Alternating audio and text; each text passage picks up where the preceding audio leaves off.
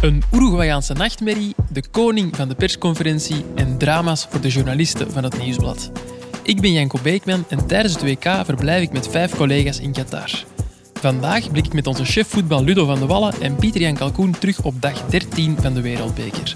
Welkom bij de voetbalpodcast van het Nieuwsblad. Welkom bij Shotcast WK.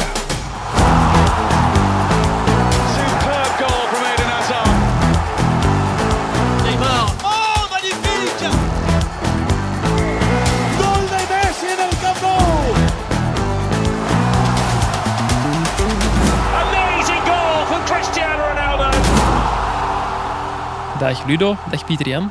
Hoi Janko. Hallo. Drama, drama en nog eens drama. Hè. Ik heb het eh, net gezegd in mijn eh, inleidend woordje. We hebben afscheid moeten nemen van de Rode Duivels. We hebben bijgevolg ook afscheid moeten nemen van onze belang van Limburg-collega Christophe Liberlo, die naar huis is vertrokken en Casa Qatar heeft verlaten. Hangt Die nu in vijf- de vlucht. In de Vijf lucht. collega's, ja, die, die vliegt nu inderdaad naar België. Hopelijk eh, geraakt hij er goed en wel. Eh, die vijf collega's uit mijn inleidend woordje, dat zijn er dus nog maar vier eigenlijk. En eh, we hebben ook afscheid moeten nemen van de snor van Ludo. Ludo, jij hebt een eh, weddenschap verloren met Patrick Vervoort. Als de Rode Duivels de tweede ronde niet zouden halen, zou ook uw snor, die de laatste maanden is gegroeid, het niet overleven. En eh, ze is er vanmorgen afgegaan. Inderdaad, een eh pijnlijke, emotioneel moment. Ja, maar ik moet zeggen, als ik zo kijk, ze lijkt er nog te staan op een of andere manier. Nee, ja, dat is, dat is omdat je er gewoon bent aan geraakt. Mijn vriendin zei precies hetzelfde. Ze zei van, ja, je hebt je niet goed geschoren, maar Janko, jij was getuige. Ja, ik heb het gefilmd mesje zelfs. En Ja. Ik ook. elk haartje was weg. Ja. En hoe zijn de eerste reacties op uw eh, terugkeer? Ja, ik moet eerlijk zeggen dat die wel redelijk positief zijn. dat is wel pijnlijk, want die snor heeft er echt wel een paar maanden gestaan. Hè? ja, die stond er van het begin van dit jaar. En ik, ik deelde mensen in drie groepen in. Eén die zei van, ja, het is wel beter. Uh-huh. Twee die zei, ja, het is, het is niet goed, het is lelijk. En dan was er een derde groep, die, zei, die zeiden niks. En die Oeh, dat is zeggen, toch en, pijnlijk? en- nee, en die zeggen nu, ja, nu is het toch beter. Dus, Dus die deden gewoon alsof er geen snor was. dat is inderdaad nog extra pijnlijk. Wat ik opmerkelijk vond, het is toch een dierbaar eh, deel van Ludo geweest. Die snor. Ja, ja, En in een vingerknip was die weg. Hè. Dat is echt... eh, die- het ging echt snel. het ging snel. Het liedje van... eh, Ja, jij hebt voor bijpassende muziek gezorgd. Ja. Welk liedje was het? Zeg het maar, DJ PJ. ja, ik ben het eventjes kwijt. Welk liedje heb ik Het opgezet? was eh, Alles is voorbij of zoiets van uh, Mama's Jasje. Ja, op de achtergrond. Maar het liedje is niet kunnen... eh, Nee, nee, nee. Het heeft echt Nee, maar het het- ging- nog het geen snel. 30 het, seconden liedje, het geduurd. liedje op de achtergrond was pijnlijker dan het wegdoen van die snor. Op eh, die muziek gaan we straks nog terugkomen. Eerst nog even over het enige positieve van het eh, afscheid van de Rode Duivels en het afscheid van Christophe Liberlo. En dat is dat ik nu eh, eindelijk een kamer krijg in Casa Qatar. Ik mag eh, de kamer van Christophe overnemen. Ik moet niet meer in de living slapen. Ik ga dus morgen vroeg voor de eerste keer kunnen uitslapen. Ik ga eh, niet op tijd moeten op zijn om jullie te kunnen verwelkomen in mijn slaapkamer. met een briefje gelegd ook. Hè. Ja, hij heeft voor mij een, eh, een briefje gelegd, Christophe, om mij eh, een goede nacht te wensen, wat dat heel lief is. En ik kan de podcast alleen maar ten goede komen. En geen wekker ook niet meer dan, die ik tot boven in mijn kamer altijd Ja, nu heb ik de kamer eh, naast u, dus als ik nu met een wekker zit, gaat hij eens zo hard op. Ja, je hoeft hem niet te zetten, echt niet. Ik vind wel het feit dat jij beneden was, altijd, dat gaf wel zo een, een gezingevoel. Zo'n beetje de kotmadam die er altijd was. Ja. Ja, je wist als je naar beneden kwam Ja. dat je niet alleen ging zitten. Dat is waar. En nu is dat gevoel helemaal weg. kom je mij- hier in een kille lege ruimte terecht, misschien als je vroeg opstaat. Ik heb mij zelden zo nuttig gevoeld in mijn leven. Dus als je een beetje altruïstisch ingesteld bent, Janko, dan blijf je gewoon beneden in de living slapen. Ik zal mijn niet wekker voor jezelf, wel dan is het toch voor ons. Ik zal eh, er eens heel diep over nadenken. Ehm, misschien toch ook over eh, voetbal praten en over eh, een paar andere mensen van wie we afscheid hebben moeten nemen. Om eh, Roberto Martinez niet te noemen, die na de wedstrijd tegen Kroatië zijn afscheid aankondigde. Daar gaan we zelfs nog op terugkomen, maar eerst iets recenter. Eden Hazard, dat lekte vandaag uit, die zou na de match tegen Kroatië in de kleedkamer ook hebben gezegd dat hij met pensioen zou gaan als Rode Duivel. Ehm, het is nog niet officieel, het is nog niet helemaal bevestigd. Ehm, maar ja, zou dat voor jullie als een grote verrassing komen? Mij verbaast het niks. Ik dacht dat hij een jaar geleden ook zo al eens iets had geopperd. Zo al lachend, al op zijn hazards. En toen wij woensdag, denk ik, de dag, nee, twee dagen, dinsdag, twee dagen voor de wedstrijd, de vraag nog eens stelden, wilde hij ook niet reageren. Ja, ik ga daar nu niet over hebben. En toen wist ik, die overweegt op zijn minst om te stoppen. En ik denk echt dat hij gaat stoppen. Het hangt er misschien een beetje vanaf wie de nieuwe coach wordt ook. Ja, als hij hem nog kan overtuigen om, om verder te doen, als hij er echt plannen mee heeft, dan zou hij misschien nog wel... Ja, eh, en wie dat, dat dan kunnen is, doen. waarschijnlijk ook. Hè. De persoon zal ook heel belangrijk zijn, denk ik. Wij horen Mhm. dat er gewoon de komende dagen, weken, hoe zal nagedacht worden. Ja, Maar dat je toch eerder neigt naar stoppen hè, op dit moment. ja. Maar de vraag is ook natuurlijk, ik bedoel, we weten allemaal, Moussa Dembele heeft nooit gezegd dat hij stopte als Rode Duivel. Nee, je moet dat... je Maar die niet- was ja. eigenlijk wel gestopt. En die had ook Roberto Martinez laten weten van, kijk, ik blijf beschikbaar, maar eigenlijk Niet meer bellen. hoeft het voor mij niet meer. Ja, de vraag is nu, gaat, gaat Hazard ooit publiekelijk zeggen van, ik ben Rode Duivel af? Ja. Dat maakt een, een groot verschil ook in gevoel misschien. Het zou mij dus ook een beetje teleurstellen. Mij ook. Omdat, ja, je, je blijft bij Hazard op je honger zitten. Je wilt toch ooit eens de antwoord krijgen. En als het er dan bij de nationale ploeg nooit meer zou komen, ik zou dat ontzettend jammer vinden. Ja, maar hij komt terug. Eden Hazard komt terug. Ik hopelijk maakt hij deze winter een transfer. Ja, ja, maar op clubniveau dan. Maar als hij nu zijn afscheid aankondigt, ja. Ja, dan zien we, maar dan ook, dan komt hij ook terug. ja. Er komt een moment dat, we, hem- dat de mensen eindelijk terug gaan beseffen dat we hem nodig hebben, de goede Eden Hazard. En ik denk dat hij, als hij zou stoppen, dat hij, dat hij niet zijn laatste interland heeft gespeeld. Dat denk ik niet. Wat hij, ben wat hij de- ook beweert. De voorbije weken hard geweest voor Eden Hazard soms. Ja? Veel te hard, Pieter Jan. Nee, en, daardoor, gezegd dat hij op de- en daardoor neemt hij nu die besluit.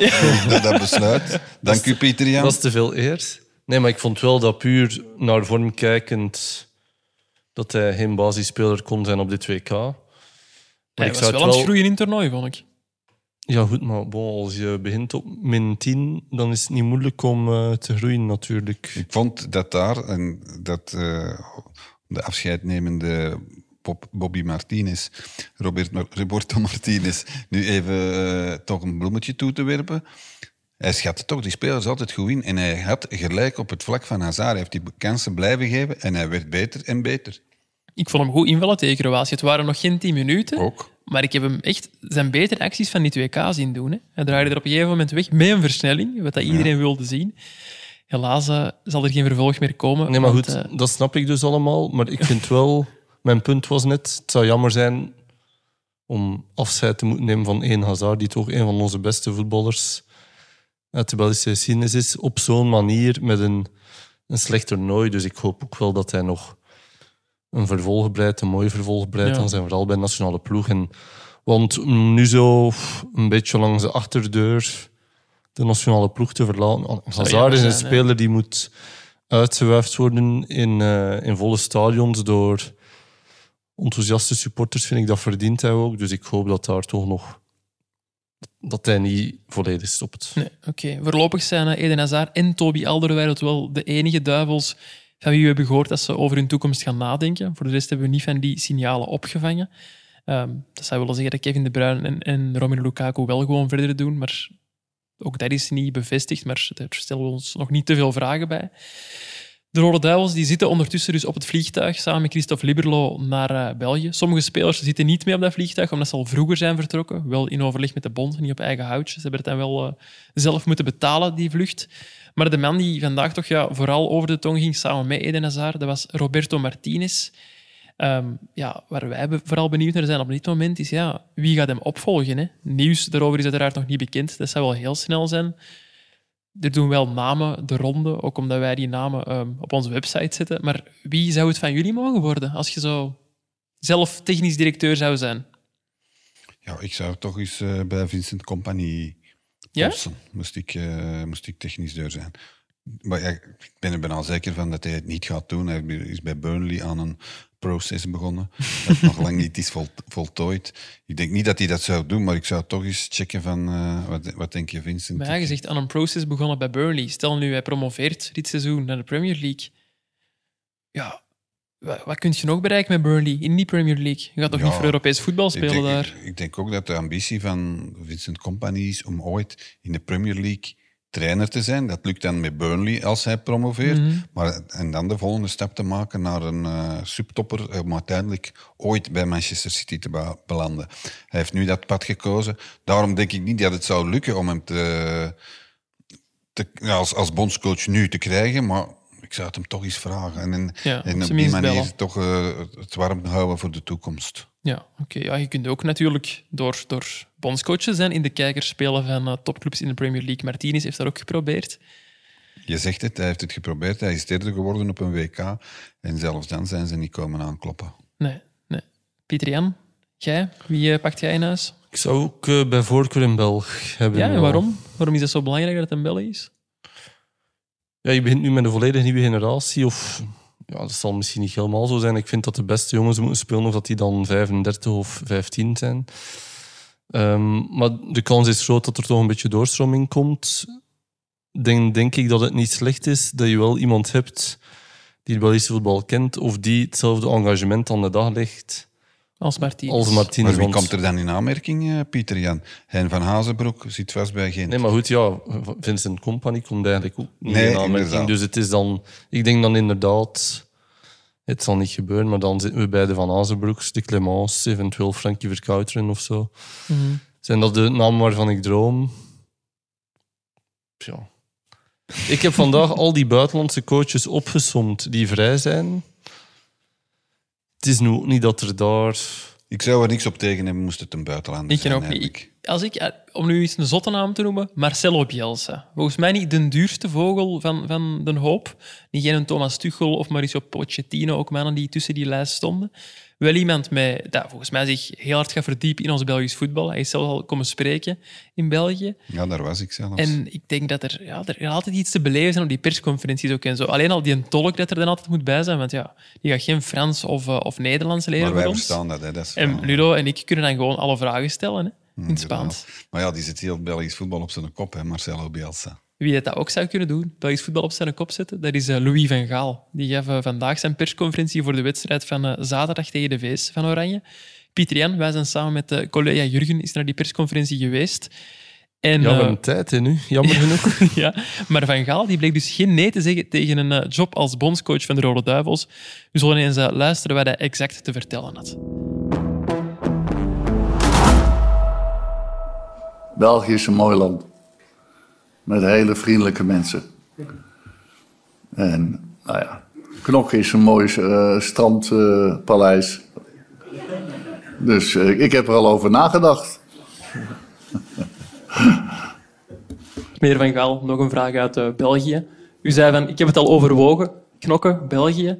Maar wat is er nu eigenlijk exact nodig om u en uw vrouw Truus uiteraard te overtuigen nadat u wereldkampioen bent geworden? Nou, je hebt het heel goed aangeduid. eh. je moet mevrouw Truus eh, overtuigen. ja.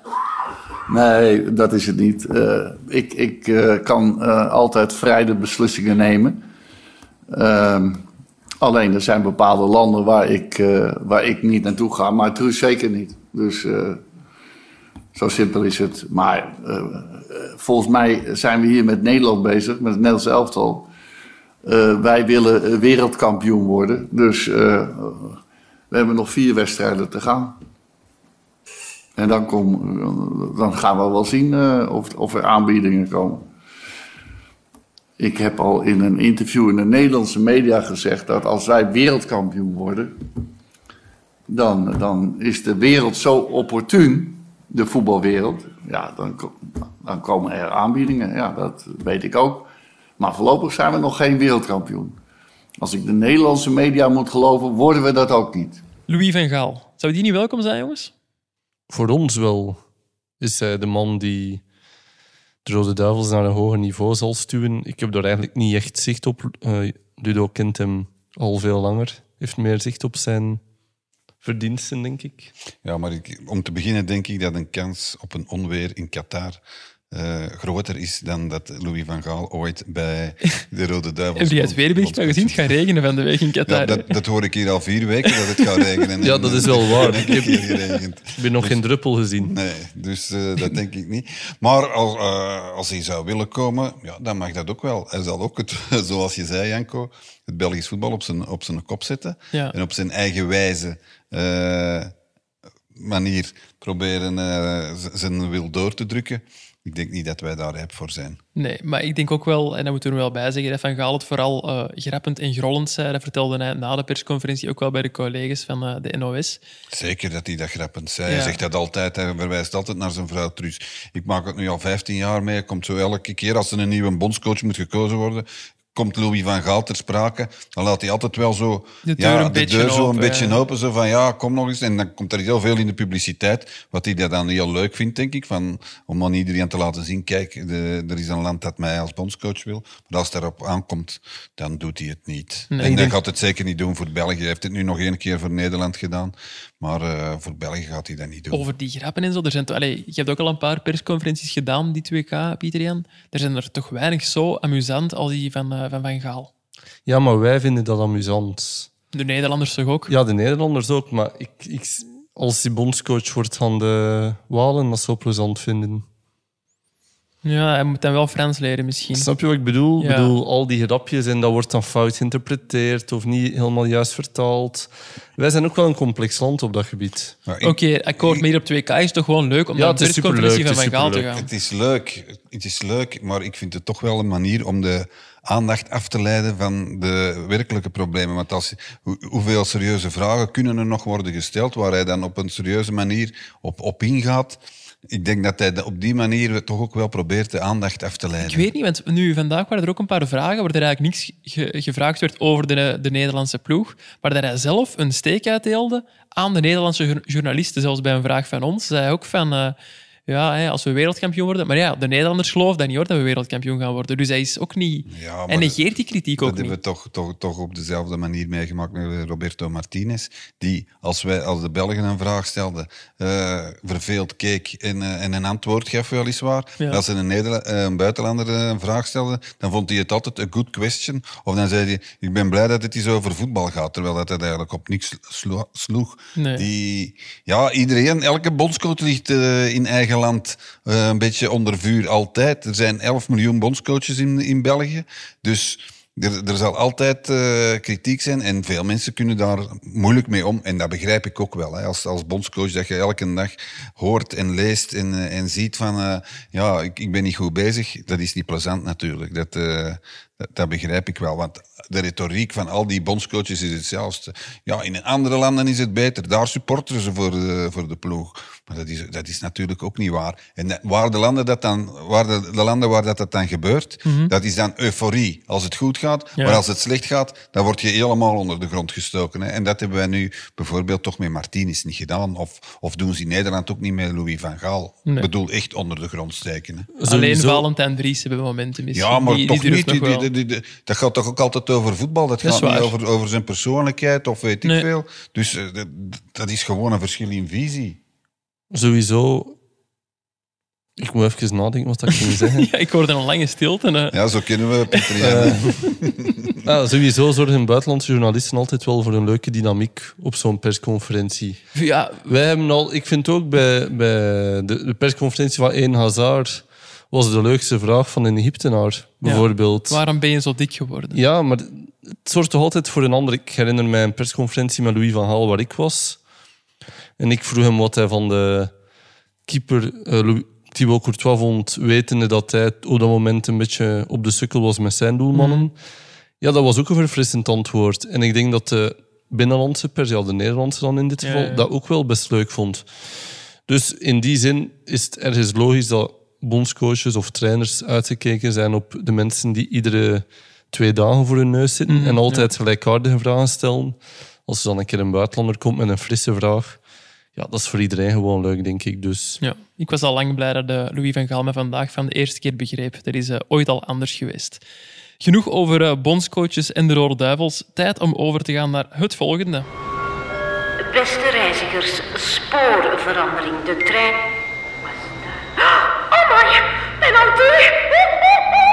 Als zij spelen, speel jij. Bet live op ladbrokes.be. Gok met mate. Mannen, er is ook eh, vandaag gevoetbald, meer zelfs. Eh, Servië, Zwitserland en Cameroen-Brazilië uit groep G. Die zijn op dit moment zelfs nog bezig. Eh, in die laatste match staat het op dit moment nog steeds 0-0. Even checken voor de zekerheid. Brazilië is al geplaatst voor de achtste finales en speelt dan ook eh, met zijn B-ploeg. Dani Alves mag zelfs meedoen. Die eh, is met zijn 39 jaar en 6 maanden de oudste Braziliaan ooit op een WK. Niet slecht, hè, op die leeftijd. Nee, knap gedaan. Van jij toen al gestopt, Ludo, met voetballen, of niet? Nee, nee, nee, ik heb ook bij de veteranen gespeeld. Ah, oké. Ja, dat is wel te vergelijken met de Braziliaanse nationale ploeg. Frankie Kalkoen tot zijn 40ste in provinciale. Hij is hier echt aan het proberen binnenwerken het nieuws, wat is niet normaal. Is Maar ook- Frankie, je zei welkom hoor. Frankie is een topper. Ja. Eh, wij hebben er dus niet Brazilië uitgepikt, want die eh, zijn al geplaatst. Wel Camer eh, nee, niet Cameroen, Servië. Wel eh Servië, Zwitserland. Ik had het hier fout genoteerd. Daar staat het op dit moment 2-3 voor de Zwitsers. Zwitserland kwam vrij vroeg op voorsprong en eh dat had Ludo voorspeld. Hij zei het van, je ziet, hè, de voetbalkenner in de zetel wat dat doet. En, moet toegeven, ja, Janko, ik heb drie, vier seconden voor het doel, doel was, heb ik gezegd, dit is binnen. ja, dat is waar. En het was zo. Het was echt waar. Het was eh, heel goed voorspeld. Betere voorspellingen dan sommige andere cheffen voetbal in de lage landen. maar, maar Pieter Jan kijkt zo heel om, alsof dat het niet, niet waar is, maar het was Nee, nee, echt het is echt Pieter Jan. gebeurd. Ja, ik geloof u. En zijn volgende quote was nog beter. Allee, achterstaan tegen een skiland, dat kan toch niet? Ludo heeft geen al te hoge pit op van de Zwitsers. Nee, ik vind- vind, het zo geen aantrekkelijke ploeg. Alle twee niet trouwens. Ik vind die Serviërs ook maar... Maar eerst over Zwitserland. Ludo, wat, wat, wat is er mis mee? Ja, wat is daar mis mee? Ik vind dat zo... Dat, dat, dat, connecteert niet met voetbal, vind ik. Maar ze zijn eh, er op toch altijd bij? Ze doen het ook altijd ja, goed. Ze zijn er altijd bij en ze doen het uitstekend. Hè? Want Ja. Begrijp me niet verkeerd. Het was vroeger absoluut geen voetballand. Ze hebben daar een nieuwe structuur op poten gezet Mhm. voor de jeugd en, en regionaal werken met de jeugd en zo. En, en dat werpt zijn vruchten af, want ze zijn er nu altijd bij. Maar nog even verder doen voordat je echt dat, eh, dat statuut van voetballand krijgt, eh, zou ik zeggen tegen de Zwitsers. Maar ze zijn goed bezig. Ja, ze zijn alleszins goed op weg om eh, mijn Dark Horse Servië uit het toernooi te kegelen. Want die moeten winnen om door te gaan als tweede in eh, groep G. Maar Pieter Jan, jij bent dan weer geen fan van mijn Dark Horse. Nee, ik vind beide landen een beetje kleurloos. Ik Nog- heb liever zo de Zuid-Korea's en de Senegals van deze wereld. Het mag iets exotischer zijn. Ja, ik vind dat net leuk aan hun, aan hun eh, WK, eerlijk gezegd. Dus Nu, over Servië gaan we niet klagen. hè. 3-3 tegen Cameroen, nu 2-3 tegen, tegen Zwitserland. En een Ja. leuke spits Ik heb, natuurlijk ja, ook. wel, hè. ik heb het zelf ook een beetje voorspeld. Servië, echt aanvallende luxe, goede spitsen. Drie wereldspitsen eigenlijk, met Jovic, Vlahovic en Mitrovic. Alleen van achter zit het niet supergoed. En dat is vandaag alweer gebleken. Hè. Drie tegels tegen Zwitserland. Matige tegen ook, dat is te veel. Matige keeper. Ja, en een tweede keeper, die is ook niet content. Hè. Ah nee, ja, ik heb ja, dat deze gelezen, week ja. is er een, eh, een relletje naar buiten gekomen. Vlahovic, die eh, de eerste twee wedstrijden op de bank zat, die zou een affaire hebben gehad met de vrouw van Pedrag Rajkovic, de tweede keeper. Hij heeft dat wel zelf al ontkend. Hij wilde eventueel stappen Hij heeft het ondernemen. niet ontkend. Hij heeft gezegd dat het schan- schandalig is dat men dit heeft uitgebracht, maar hij heeft niet gezegd het is niet waar. Zijn er zeker? Ja, ik heb het fragment gezien eh, ergens, ik weet niet meer waar, en daar bleek duidelijk uit dat hij niet zei van het is niet waar. Hij heeft gezegd het is schandalig dat het het uitbrengt. De retoriek die we kennen van ja, en in eigen land, wat Ja. we ook eh, een dag voor de wedstrijd van Roberto Martinez hebben gehoord. Dus eh, hij, heeft, hij heeft het volgens mij niet ontkend. Oké, dan maak ik het nog pikanter. Ik vind een affaire sowieso not done. maar een affaire met een ploegmaat of een collega, alleen met de vrouw van een ploegmaat of een collega, anders zou het nog zotter zijn. Ehm, ja, dat is toch echt wel onder de gordel. Ja, ik ja, er zijn nog wel van die verhalen. Hè. Ik kan er nu... Ja, het is van alle tijden, hè, maar De vrouw van Michel Platini is eh, ooit weggekaapt door eh Larios, een ploegmaat bij Saint-Étienne. Ah, ja. Dat is ook zo'n verhaal. En Eh, Wayne Bridge is Terry. ooit eh, Ja. had, had een vriendin en John Terry is ermee gaan lopen. bedrogen door eh, John Terry. Och, en ik heb nog met die mensen op de foto gestaan deze, deze week. Ik voel me een beetje schuldig. Sorry, een Wayne. beetje vies Ja. vind ik eh, u plots. Maar bon. Ik, kreeg, ik kreeg zelfs, er is zo'n bureau die zo al, allerlei eh, rare ranglijsten opmaakt. En tijdens dit WK heb ik ook een ranglijst gekregen van dat bureau met de spelers die al de meest verschillende vriendinnen he- hebben gehad. en wie stond er eerst? John Terry. Ah ja, ja, geen verrassing. En jij hebt niks gezien toen in het hotel dat die... Hij zat er alleen met mannen aan tafel. De meeste vrouwen zaten bij Ronaldo. En er was er ook maar eentje. Dus eh, absoluut En hij is niet zo even wegge- weggelopen, zo, terwijl dat al die mannen daar zaten, terwijl dat die vrouwen ergens, in vrouwen ergens anders Het was een zaten. eh, ontzettend groot hotel waar ik in ben tegengekomen. Dus het zou zomaar kunnen. Ik zou hem niet betrouwen, ik. Nee, ik kan er eh, nooit meer op de foto, denk ik. Daar kan ik er wel zeker van zijn. Ik ben vandaag naar eh, Ghana-Uruguay geweest. Een eh, beladen en belangrijke wedstrijd. Ehm, we zullen eerst eens luisteren hoe het daar was misschien. Ik heb een eh, kort sfeerverslagje opgenomen.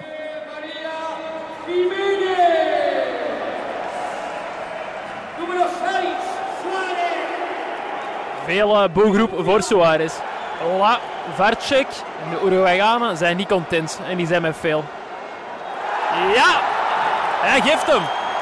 De Ghanese die worden zot. Nu nog binnentrappen. En dan, oh, ongelooflijk te slecht getrapt. Echt slecht getrapt. Ai, ai, ai. Ja, en nu zijn de Uruguayanen die zot worden. Oh, bal van de lijn gehaald. Ja, 0-2 Uruguay en het is opnieuw de Arascaeta.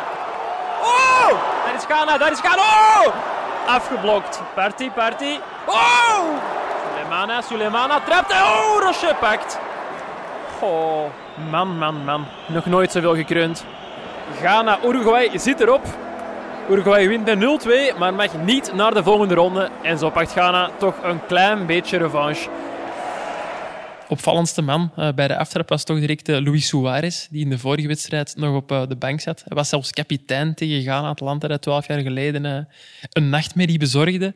Hij had voor de wedstrijd ook de persconferentie mogen geven bij Uruguay. Wat dat dan ook weer... Vond ik wel is goed. dat Uruguay dat geeft aan de media, dat ze hem daar dan zetten. En hij had nog eens gezegd van ja, ja, het is niet mijn schuld dat zij toen die penalty hebben gemist. Hè. Hij heeft wel gelijk, vind ik. Ja, hij heeft een punt, maar het maakt hem niet populair. Allee, het maakt hem niet sympathieker. of Nee, maar goed, hij heeft vandaag wel eh, traantjes gelaten. Ja. Ik vond wel... op die traantjes gaan we zelfs nog terugkomen. Want eerst het penalty-trauma bij de Ghanese. Ze hebben vroeger, ehm, twaalf jaar geleden, het inderdaad zelf vergooid door eerst een penalty te missen in de allerlaatste minuut, veroorzaakt door Suarez. En daarna te falen in de strafschoppenserie. Samoa Gyan, denk ik, met eh, die penalty. Ja, klopt. Dat was hem inderdaad. Nu kregen ze weer vrij vroeg in de wedstrijd eh, een strafschop. Ik dacht van, oké, ja, zalig. Het gaat, hier, het gaat hier helemaal losbarsten. Missen ze die toch wel niet zeker. En deze keer was het... eh wie was het nu weer? Een van de twee broers daarvoor in. Ik kan niet op eh, zijn naam komen. Ja, jij was op de match, hè. Wij zaten... eh, Het is duidelijk dat dus alleen neem uw dat ik vooral niet verantwoordelijkheid. geholpen worden. Nee, hulp. Wij moesten naar Zuid-Korea André. Ayou was het, uiteraard. André Ayou eh, miste de penalty en werd wel gesaboteerd door eh, Darwin Núñez. Hè. Hebben jullie dat toevallig gezien? Nee, wij waren naar Zuid-Korea aan het kijken natuurlijk. Wij waren verplicht. Plichtbewust naar die andere wedstrijd in die groep aan ons het kijken. opgedragen om naar Zuid-Korea, Portugal te Ik kijken. heb dat niet gevraagd, jullie hebben dat spontaan gedaan, wat dat wel geapprecieerd wordt. Maar Núñez begon dus met zijn voet zo in de penaltystip te vroeten. Kreeg er dan ook een gele kaart voor. Ze miste dan Ghana. En ik heb vorige keer toch verteld over Valverde, dat hij zo ehm, ja, keihard aan het juichen was bij, bij een inworp dat dan verziet. Dat Ja. met een counter had uitgehaald. Nu was hij echt na die penalty gaan juichen in het gezicht van de scheidsrechter. Hij moest het toch ook durven. Valverde. Ja, Valverde. Maar hij heeft er ook geen kaart voor gekregen. Dat vond ik eh, wel straf. Ehm, wie dat er niet mocht meedoen bij Ghana, dat was eh, Dennis Odoi, de man die ik eh, deze week nog ben gaan interviewen. Hij heeft in totaal maar 12 minuten mogen spelen op dit WK. En dat is misschien wel een slechte zaak geweest voor Ghana, want ze moesten vandaag een punt pakken. Dat is niet gelukt. Ze hebben verloren met 0-2 van Uruguay. En eh, een wedstrijd, en een officiële interland waarin dat Odoi heeft gespeeld, hebben ze nog nooit verloren. Dat is eigenlijk een beetje de Leander den Donker van Ghana. Ja. Dat eh, slaat ons met verstomming. Onbegrijpelijke beslissing van eh, Otto Addo. De... Jullie hebben echt niks van die wedstrijd gezien, precies. Nee, we hebben niks... Ja, nee. niet de Ja, we hebben de laatste acht minuten gezien, want Ja. om een of andere reden was de wedstrijd Zuid-Korea van Zuid-Korea tegen Portugal al gedaan. En we denken, ja, goed, we gaan eens zien wat de uitslag was Ja. bij Uruguay. En die wedstrijd die duurde nog acht minuten. Ja, er waren acht minuten eh, extra tijd in de eerste helft en acht minuten extra tijd in de tweede helft. Dus die duurden een pak langer. En ik denk dat ongeveer drie minuten voor dat een officiële tijd erop zat, was dat de, de 2-1 viel in eh, Zuid-Korea, eh, Ja, Portugal. In de blessuretijd hè, van eh, Ja. Zuid-Korea. Dat was minuut 87 eh, van Ghana-Uruguay. Uruguay stond op dat moment 0-2 voor, dus die waren eigenlijk gerust. Die gingen op dat moment door naar de volgende ronde. Waren ook ja, keihard aan het echt zo op zijn Atletico Madrid. Echt met een dubbele gordel op hun eigen 16. Ghana steeds meer aan het aanvallen. Maar plots verscheen er op het scherm 2-1. Al die Uruguayanen in shock. Dus die direct van, ah, oh, we moeten hier beginnen aanvallen. We moeten een doelpunt meer maken om een beter doelpuntensaldo te hebben dan Zuid-Korea. Ehm, dus plots eh, volop aan het eh, aanvallen, de Uruguayanen. Eh, nog heel veel kansen, dat was ook te horen. Ja, in, ik eh, vond dat ze ook wel geholpen werden door de Ghanese, in zekere zin. ja, die wilden ook scoren natuurlijk. hè, Ja, die wilden ook scoren. Als die een punt pakten, gingen zij natuurlijk weer door naar de volgende ronde. En ehm, heel veel kansen, zoals te horen was in eh, mijn kort fragmentje met eh, nogal veel gekreun. En de Uruguayanen die, die claimden nog een strafschop hè, op het einde. Vonden jullie Ja, het een fout op Cavani? Nee, was geen strafschop. Ik ben meestal van het principe, als je zoekt en vindt, dan is het, eh, dan is het goed gezocht. Zeg dat nog eens. Als je de fout zoekt en vindt, Ah, oké. ja, ja, ik dacht de scheidsrechter. Sorry. Ja. Ja, nee, nee. en dan is het vaak goed gedaan, vind ik. Maar nu vond ik het echt... Ja, te. Het was te. Te hard gezocht? Ja. Ja. ik- ja. Het nee, het was geen penalty. Nee, ik vond eh, ook geen penalty. Nee, niet. oké. Jij wel? Nu, ik heb maar één herhaling gezien en toen twijfelde ik toch, toch verder. Maar als twee voetbalkenners, als jullie zeggen dat het geen penalty was, dan ga ik mij er Janko. gewoon eh, bij aansluiten. De Uruguayanen waren het er niet echt mee eens, want eh, na de wedstrijd heeft de Edinson Cavani het uh, varscherm in, aan de rand van het veld omvergegooid zelfs. Zo boos was die. Jiménez die heeft de scheidsrechter bijna aangevallen. Siebert, de Duitser, die hebben ze echt moeten tegenhouden. Om de perstribune ook echt journalisten aan het roepen. Buiten werd er een ge- geïnterviewd door eh, collega's van televisie. En die was ook aan het roepen, FIFA, corruption, corruption. Die, die zagen al grote complotten. Ook Suarez in zijn interview na de wedstrijd. En die dingen aan het suggereren. Hij mocht ook zijn kinderen blijkbaar niet zien, in tegenstelling tot de Fransen. Daar was hem ook een probleem van aan het maken. En de Ghanese, ja, die liggen er dus ook uit. Maar die waren wel feest aan het vieren. Dus zelfs op die perstribune, terwijl de Uruguayanen aan het roepen waren dat de, dat de FIFA-fraudeurs eh, waren, waren die gewoon aan het feesten omdat Uruguay eruit lag. Dat was, eh, zeer bijzonder om Een te van zien. twaalf jaar geleden. En eh, wij probeerden altijd zo heel rustig te blijven op een perstribune. En dan zie je dat soort tafereelen. Ook dat is een WK. hè. Ja. Ondertussen wordt er bijna gevochten in eh, Servië-Zwitserland. in de Niet, achtergrond. niet bijna, er wordt zo Er wordt, ja, gevochten. er wordt gevochten. Er wordt nog wel een klap uitgedeeld, denk ik. Mannen, moet er eh, nog iets verteld worden over Zuid-Korea-Portugal? Buiten dat het daar 2 is geworden. Dat Wel, Portugal ja. met een B-ploeg speelde. Portugal kwam op voorsprong. Redelijk vroeg in de ja, wedstrijd. Maar we hebben het al gezegd, die Zuid-Koreaan die geeft nooit op. Ik zat eigenlijk in de zetel te werken en Ludo aan tafel. Mhm. Met zijn oortjes in, mama's jasje aan het luisteren, denk ik. en er was plots een doelpunt van de Zuid-Koreaan, een gelijkmaker. En Ludo riep, wie scoort? Maar ik had het niet gezien. Dus ik zei Kim. Altijd gelijk. Altijd gelijk. Wat bleek, het was Kim. Oh. Of één van de... Hilariteit alom. Ja, ja, we waren maar met twee in de kamer, maar wordt hier nogal wat gelachen. Ehm, Wij lachen wel af. ja. Zeg, en Ronaldo die was blijkbaar boos na zijn wissel of zo, heb ik ook eh, gelezen. Hij was sowieso wat nukkig. Dat is dan toch de eeuwige winnaar die, die hem komt bovendrijven. Want En Ludo uiteindelijk- handjes wrijven dan? Of, eh? Nee, dus, Nee, eh, Pieter Jan noemt dat de e- eeuwige winnaar. Eh, de ja, eeuwige winnaar. Ik noem dat de eeuwige ego-man. Ja. Je bent toch voor de ploeg? Wordt je vervangen? Heb je hem gezien in de wedstrijd? Ik heb hem niet gezien. heeft een kans gemist. Ja, ja. Over, eh, toen heb ik hem gezien, ja. over ego en emo en zo gesproken. Luis Suarez trouwens ook ja, in tranen uitgebarsten. Hè. Nog tijdens de wedstrijd toen hij zag dat de Zuid-Korea op voorsprong was gekomen. Vandaar dat die Ghanese aan het dansen waren, natuurlijk. Ja, omdat zo, ja, echt, ja, ja, toen het, de, de wenende Suarez in beeld kwam op het scherm, werd in beeld genomen, echt heel, allee, het half stadion aan het juichen. Hè. Ze hebben toch, toch heel veel emoties. Ik heb de indruk dat dit het WK is van de meeste emoties. We zitten hier nu al een hele tijd naar een vechtpartij tussen Zwitserland en Servië te kijken. Omdat die Serviërs gaan verliezen natuurlijk. Eh, Suarez die in huilen uitbarst. Lewandowski ook al geweend. Ja. Ronaldo zal ook wel al een paar keer geweend hebben. Ja, Roberto wij daar- Martinez al geweest. Wij daarnet bijna ook, hè, toen eh, Christophe het huis verliet. Ja, ik moet zeggen, ja, jullie lachen er nu mee, maar ik heb het van de morgen toch een beetje moeilijk. De groep is eh, niet Ja, meer het is- compleet. Ja, het is, eh, ja, het- er, er is, er is een leegte. Ja, Er is een leegte. En weinig slaap maakt mij nog emotioneler, dus ik stel voor dat we snel overgaan naar het volgende. Deze rubriek hebben we grotendeels in het leven geroepen voor de woordspeling, maar ook om een antwoord te bieden op elke vraag, elk historisch feitje of elke bedenking die u heeft. Dit is Qatar nog niet aan gedacht.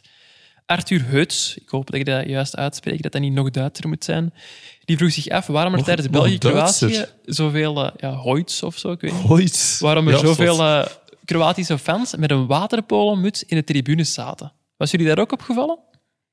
Mij is dat niet Wij opgevallen. focussen op de grasmat. Gelukkig hebben wij Arthur Hoyt om eh, dat voor ons in de gaten te houden. Maar dus waterpolomutsen bij de supporters. Hebben jullie een, idee waarom? Waterpolo wereldkampioen eh, Nee, Kroaten. nee, nee, nee. Het heeft hem, allee, misschien ook, dat heb ik nu niet gecheckt, maar het heeft te maken met EK 2016. Eh Vedran Korluka, verdediger van eh, Tottenham vroeger, die had toen een eh, hoofdblessure opgelopen tegen Turkije, vrij diepe wonden in zijn hoofd. En de wedstrijd daarna tegen eh, Tsjechië moesten ze een oplossing vinden om dat dicht te houden. En ehm, een van de, de die had er niet beter op gevonden dan ehm, een waterpolomuts te zoeken om op te zetten, omdat dat de wonden goed zou samenhouden. Alleen moesten ze van de UEFA wel de oorstukken uit de waterpolomuts halen, omdat die te hard waren.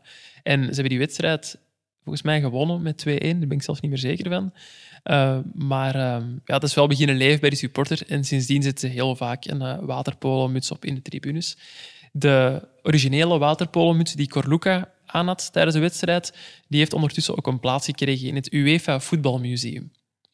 Een leuk quizje, datje. Ja, dank Ja, u Arthur voor de leuke vraag. Want Ik anders... herinner me er zelfs helemaal niks van. Dat Nee, dat- die wedstrijd was dat- blijkbaar totaal niet interessant, maar dat is wel eh, eentje die dat de Kroaten onthouden hebben. Heeft u ook een vraag voor Kat er nog niet aan gedacht? Stuur ze dan door op Twitter, Instagram of naar shotcast.nieuwsblad.be en dan gaan wij door naar onze afsluiter. De wedstrijden in eh, groep G. Hoe zit het daarmee? Eh Servië-Zwitserland, er is de vechtpartij ondertussen voorbij. De laatste seconden van de voetbalwedstrijd zijn nog bezig. Het staat er nog steeds 2-3. Dat wil zeggen dat Zwitserland tweede zou worden in de poelen na Brazilië en dat Zwitserland uitkomt tegen Portugal en Brazilië uitkomt tegen Zuid-Korea. Oké. Gaan we ineens verder gaan of gaan we nog wachten tot die wedstrijd is afgelopen? Nee, ik denk dat is dit echt wel voorbij is. Dan gaan nu want- fluiten. Hè? Nee, Mag, en ook mag- mag ik nog eens een voorspelling doen? Sevens, als hij affluit, wordt er teruggevochten. Ja? Oh, wacht. Nog een eh, klein nieuwtje ondertussen. In eh, Brazilië, Cameroen of Cameroen-Brazilië is het nog 1-0 geworden voor eh, Cameroen. Eh, na een goal van Aboubakar, de man die ook al... eh, die heeft ondertussen ook nog rood gepakt. Spektakel alom. Ehm Jurgen zit daar, hè? Jurgen zit daar, die zou ons kunnen vertellen wat daar allemaal is gebeurd als hij hier was. Dat is helaas niet het geval. Dat wil zeggen dat er in deze poelenfase geen enkel land 9 op 9 heeft gepakt. Ehm, dat is de eerste keer ooit sinds het WK met 32 ploegen wordt gespeeld. Een primeurtje. Ja, en weten dat op de vorige twee WK's België telkens 9 op 9 had gepakt. Brazilië blijft wel de groepsleider op basis van eh, zijn doelpunten saldo, dat beter is dan eh, dat van Zwitserland. Maar nou, ondertussen misschien al even vragen, wat staat er voor jullie morgen op de planning? Want ja, de duivels zijn er niet meer, die kunnen jullie niet meer gaan bezoeken. We gaan eh, artikels schrijven natuurlijk. Mhm. En ik ga s'avonds naar Argentinië, Australië. Omdat het moet. Omdat ik daar toch wel een eh, demonstratie verwacht van eh, Argentinië, die ik eh, wel heel goed vond tegen Polen. Al- Misschien niet heel goed gespeeld, maar waar je toch in zag van ja, deze ploeg die kan wereldkampioen worden. Ja. Pieter Jan? Ik ga normaal gezien, als de FIFA het toelaat, nog naar Nederland tegen de VS. Door jou vergezeld. Ja, klopt, ik ga mee met u. En je Dus gaat padellen ook of zoiets? Ik ga padellen ook. Eh, ik ben uitgedaagd door andere Belgische collega's die hier nog aanwezig zijn in Qatar voor een matchje padel. En normaal zou ik dat nooit doen, maar nu is er toch een klein beetje ruimte. Het zal ook het eerste ontspannende moment zijn, toch in 2,5 week, eh, Ludo. We hebben toch Inderdaad. hard gewerkt, hè? mag Ja, ik we, zeggen. We hebben heel hard gewerkt en goed gewerkt. We hebben hard gewerkt, goed gewerkt, maar we hebben ons ook wel geamuseerd, Pieter. En vooral, vooral, vooral met de muziek die jij voor ons eh ten berde brengt. Hè. Wordt DJ, die, wordt die playlist een beetje benut Ah, wel. De mensen weten officieel nog niet dat er een playlist is. Ik ga dat nu meedelen. Op Spotify bestaat sinds kort de afspeellijst DJ PJ. Dat zijn allemaal eh, nummers die eh, al zijn gedraaid hier in uh, Casa Qatar of in de auto door Pieter Jan. Ehm, als er mensen zijn die nog suggesties hebben, nummer die we zeker eens moeten opzetten, laat het ons dan gerust weten op Ja, ik ben echt niet zo geïnspireerd eigenlijk. Ik word hier nu eh, in de markt gezet als echte muziekkenner. Dat is absoluut niet het geval. En dat kan ik alleen maar beamen. Zij de man die Zelje voor het eerst niet kende. Ja, het blijft een... Cameroen, Brazilië zit erop. Daar is het eh, 1-0 gebleven. Ook in Servië, Zwitserland is het 2-3 gebleven. Ehm, Wordt dus- niet geknokt, maar gejuicht. eh, Nee, er wordt Ludo. gejaagd, maar ik zie wel een paar Serviërs eh, de vuisten ballen. Dus eh, het zou zomaar nog uit de hand kunnen lopen. Dus om vier uur vandaag is het eh, Nederland tegen de Verenigde Staten, de eerste achtste finale van dit WK. Om acht uur Belgische tijd is er een Argentinië tegen Austra- Australië. Nog even meegeven voor de volledigheid. Dan denk ik dat we rond zijn voor vandaag, mannen. Bedankt alweer om er eh, te zijn op dit eh, late uur. Jij bent ook bedankt. Janko. Bedankt ook aan eh, de mensen van Ledbrokes om er voor ons te zijn. Morgen vroeg zijn we er al terug met een nieuwe Shotcast WK. Tot dan.